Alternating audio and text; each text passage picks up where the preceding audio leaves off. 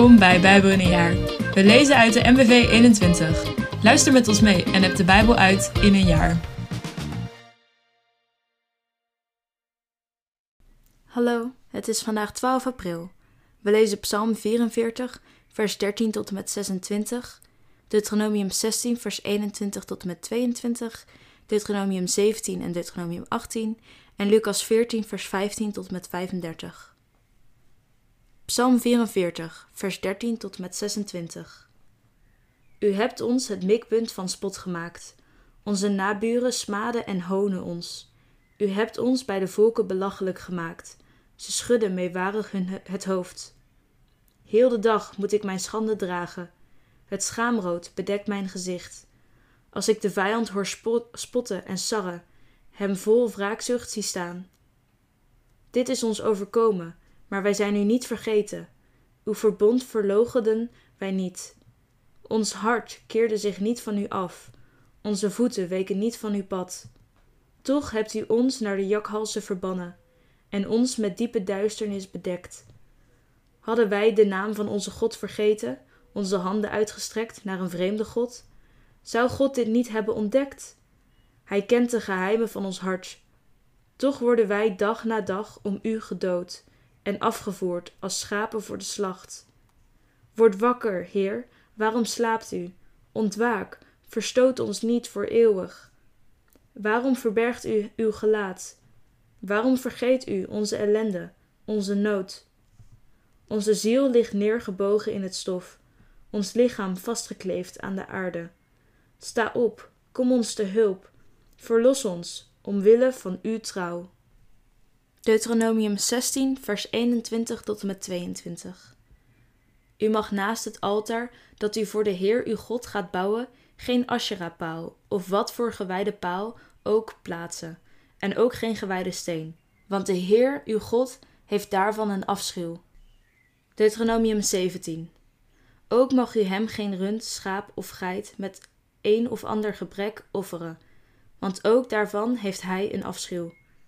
Wanneer zich in een van de steden die de Heer uw God u zal geven, iemand bevindt, man of vrouw, die doet wat slecht is in de ogen van de Heer, door de regels van het verbond te overtreden, door tegen zijn gebod in andere goden te vereren, de zon, de maan of de sterren, daarvoor neer te knielen, en het komt u ter oren, dan moet u zorgvuldig navraag doen. Als blijkt dat het waar is, als onomstotelijk vaststaat dat deze gruwelijke dingen onder het volk van Israël hebben plaatsgevonden, dan moet u de man of vrouw die zich zo misdragen heeft de stad uitbrengen en buiten de poort stenigen, tot de dood erop volgt. Het doodvonnis mag alleen op grond van de verklaring van tenminste twee getuigen worden voltrokken. Eén getuigenverklaring is onvoldoende. De getuigen moeten samen met de rest van het volk de dader stenigen tot de dood erop volgt en zelf moeten zij de eerste steen werpen. Zo moet u het kwaad uit uw midden verwijderen. Met betrekking tot moord of doodslag, rechtsvordering en geweldpleging kunnen zich in uw steden rechtszaken voordoen waarin het te moeilijk is om vonnis te wijzen. In dergelijke gevallen moet u naar de plaats gaan die de Heer uw God zal uitkiezen. Daar raadpleegt u de Levitische priesters en de rechter die daar op dat moment zetelt, en zij zullen uitspraak doen. Doe precies wat zij u voorschrijven en volg de aanwijzingen die u van hen krijgt nauwkeurig op. Houd u aan de uitleg die zij u geven en aan het vonnis dat ze uitspreken. Wijk daar op geen enkele manier van af. Degene die het waagt om de woorden van de rechter of van de priester, die daar voor de Heer uw God dienst doet, in de wind te slaan, moet ter dood gebracht worden. Zo moet u het kwaad uit Israëls midden verwijderen. Het hele volk moet daardoor worden afgeschrikt zodat ze zoiets geen twee keer wagen. Wanneer u in het land gekomen bent dat de Heer uw God u zal geven en u het in bezit hebt genomen en er woont, zegt u misschien: Laten we een koning aanstellen, net zoals de volken om ons heen. U moet dan een koning aanstellen die door de Heer uw God zal worden uitgekozen. U mag alleen iemand uit uw eigen volk aanstellen. Het mag niet iemand uit een ander land of van een ander volk zijn. Hij mag niet veel paarden bezitten, want dan zou hij zijn volksgenoten naar Egypte kunnen terugsturen om voor uitbreiding van zijn stallen te zorgen. in strijd met de waarschuwing van de Heer dat we nooit meer die weg terug mogen gaan. Evenmin is het de koning toegestaan veel vrouwen te hebben, want dat zou hem tot afgodendienst kunnen verleiden.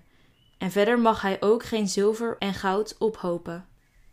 Als de koning eenmaal over zijn rijk heerst, moet hij een afschrift van dit wetboek laten maken, naar de tekst die bij de Levitische priesters berust. Hij moet het onder handbereik hebben en erin lezen zolang hij leeft. Zo leert hij ontzag te hebben voor de Heer zijn God en alle wetten uit dit boek in acht te nemen. Dan zal hij zich niet inbeelden dat hij meer is dan zijn volksgenoten en zal hij op geen enkele manier afwijken van de geboden. Dan zullen hij en zijn nakomelingen lange tijd regeren over het volk van Israël. Deuteronomium 18 De Levitische priesters, ofwel de hele stam Levi, zullen geen eigen grond bezitten zoals de andere Israëlieten. Zij mogen de offergaven eten die de Heer toekomen, maar eigen grond zoals de anderen hebben ze niet. Zij mogen immers bestaan van de dienst aan de Heer, zoals Hij hun heeft beloofd. Van de gaven van het volk komt de priester het volgende deel toe. Van het offerdier, of het nu om een rund, een schaap of een geit gaat, moeten de schouder, de wangen en de lepmaag aan de priester worden afgestaan. Ook het eerste en beste deel van uw graan, wijn en olie, en van de wol van uw schapen en geiten moet u hem geven. Want uit uw midden heeft de Heer uw God de Levieten gekozen om hem voor altijd als priester te dienen. Als iemand die als Leviet ergens in het land van Israël woont zich aandient in de plaats die de Heer zal uitkiezen, dan is hij welkom. Hij mag zich, wanneer het maar bij hem opkomt, naar die plaats begeven en daar deelnemen aan de dienst voor de Heer zijn God, net als zijn Levitische broeders, die er al dienst doen. Hij moet dan eenzelfde aandeel als zij ontvangen, ongeacht de waarde van de bezittingen die hij geërfd heeft. Wanneer u in het land komt dat de Heer uw God u geven zal, mag u de verfoeilijke praktijken van de volken daar niet navolgen. Er mag bij u geen plaats zijn voor mensen die hun zoon of dochter als offer verbranden, en evenmin voor waarzeggers, toekomstvoorspellers, wiggelaars, tovenaars, bezweerders, en voor hen die geestenraad plegen of doden oproepen. Want de Heer verafschuwt mensen die zulke dingen doen, en om die verfoeilijke praktijken verdrijft Hij deze volken voor u. U moet volledig op de Heer uw God gericht zijn. Ook al luisteren de volken in het land dat u in bezit zult nemen wel naar toekomstvoorspellers en waarzeggers, u heeft de Heer uw God dat verboden. Hij zal in uw midden steeds weer een profeet laten opstaan, een profeet zoals ik. Naar hem moet u luisteren. U hebt de Heer daar immers zelf om gevraagd, toen u bij de Horeb bijeen was. U zei: Wij kunnen het stemgeluid van de Heer onze God en de aanblik van dit enorme vuur niet langer verdragen. Dat overleven wij niet. De Heer heeft toen tegen mij gezegd: Zij hebben goed gesproken. Ik zal in hun midden steeds weer een profeet laten opstaan, een profeet zoals jij. Ik zal hem mijn woorden ingeven, en hij zal het volk alles overbrengen wat ik hem opdraag. Wie niet wil luisteren naar de woorden die hij in mijn naam spreekt, zal ik ter verantwoording roepen. Maar als een profeet het waagt om in mijn naam iets te zeggen dat ik hem niet heb opgedragen, of om in de naam van andere goden te spreken, dan moet hij ter dood gebracht worden. Misschien vraagt u zich af: hoe weten we dat een profetie niet van de Heer komt? Dit is het antwoord. Als een profeet zegt te spreken in de naam van de Heer, maar zijn woorden komen niet uit en er gebeurt niets, dan is dat geen profetie van de Heer geweest. Heb geen ontzag voor een profeet die zich dat aanmatigt. Lucas 14, vers 15 tot en met 35. Een van de andere gasten die dit hoorde, zei tegen hem: Gelukkig al wie zal deelnemen aan de maaltijd in het koninkrijk van God. Daarop zei Jezus: Iemand wilde een groot feestmaal geven en nodigde tal van gasten uit. Toen de dag van het feestmaal gekomen was, stuurde hij zijn dienaar naar de genodigden om tegen hen te zeggen: Kom, want alles staat klaar. Maar één voor één begonnen ze zich te verontschuldigen. De eerste zei: Ik heb net een akker gekocht, die ik beslist moet gaan bekijken. Neemt u mij niet kwalijk, ik kan niet komen. En een ander zei: Ik heb vijf span ossen gekocht en ik ga ze keuren. Neemt u mij niet kwalijk, ik kan niet komen. Weer een ander zei: Ik ben pas getrouwd en daarom kan ik niet komen. Toen de dienaar teruggekomen was, bracht hij zijn heer verslag uit.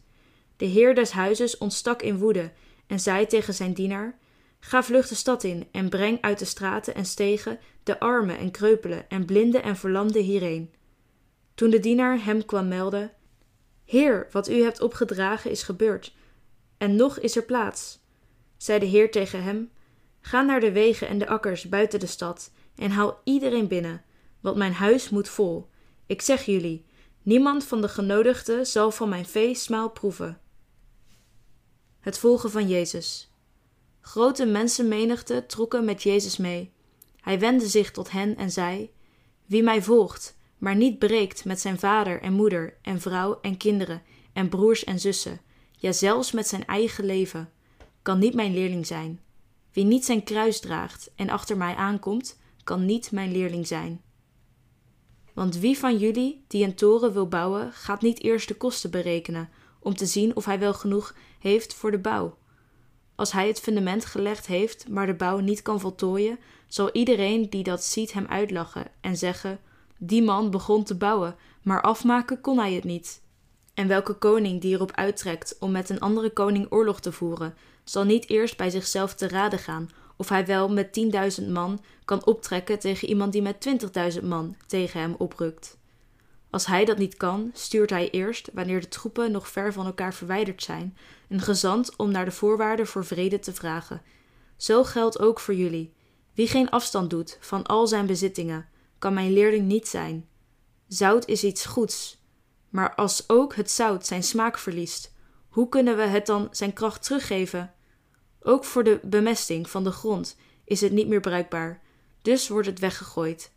Wie oren heeft om te horen, moet goed luisteren. Bedankt voor het lezen. Bedankt voor het luisteren allemaal. Nog een gezegende dag en tot morgen.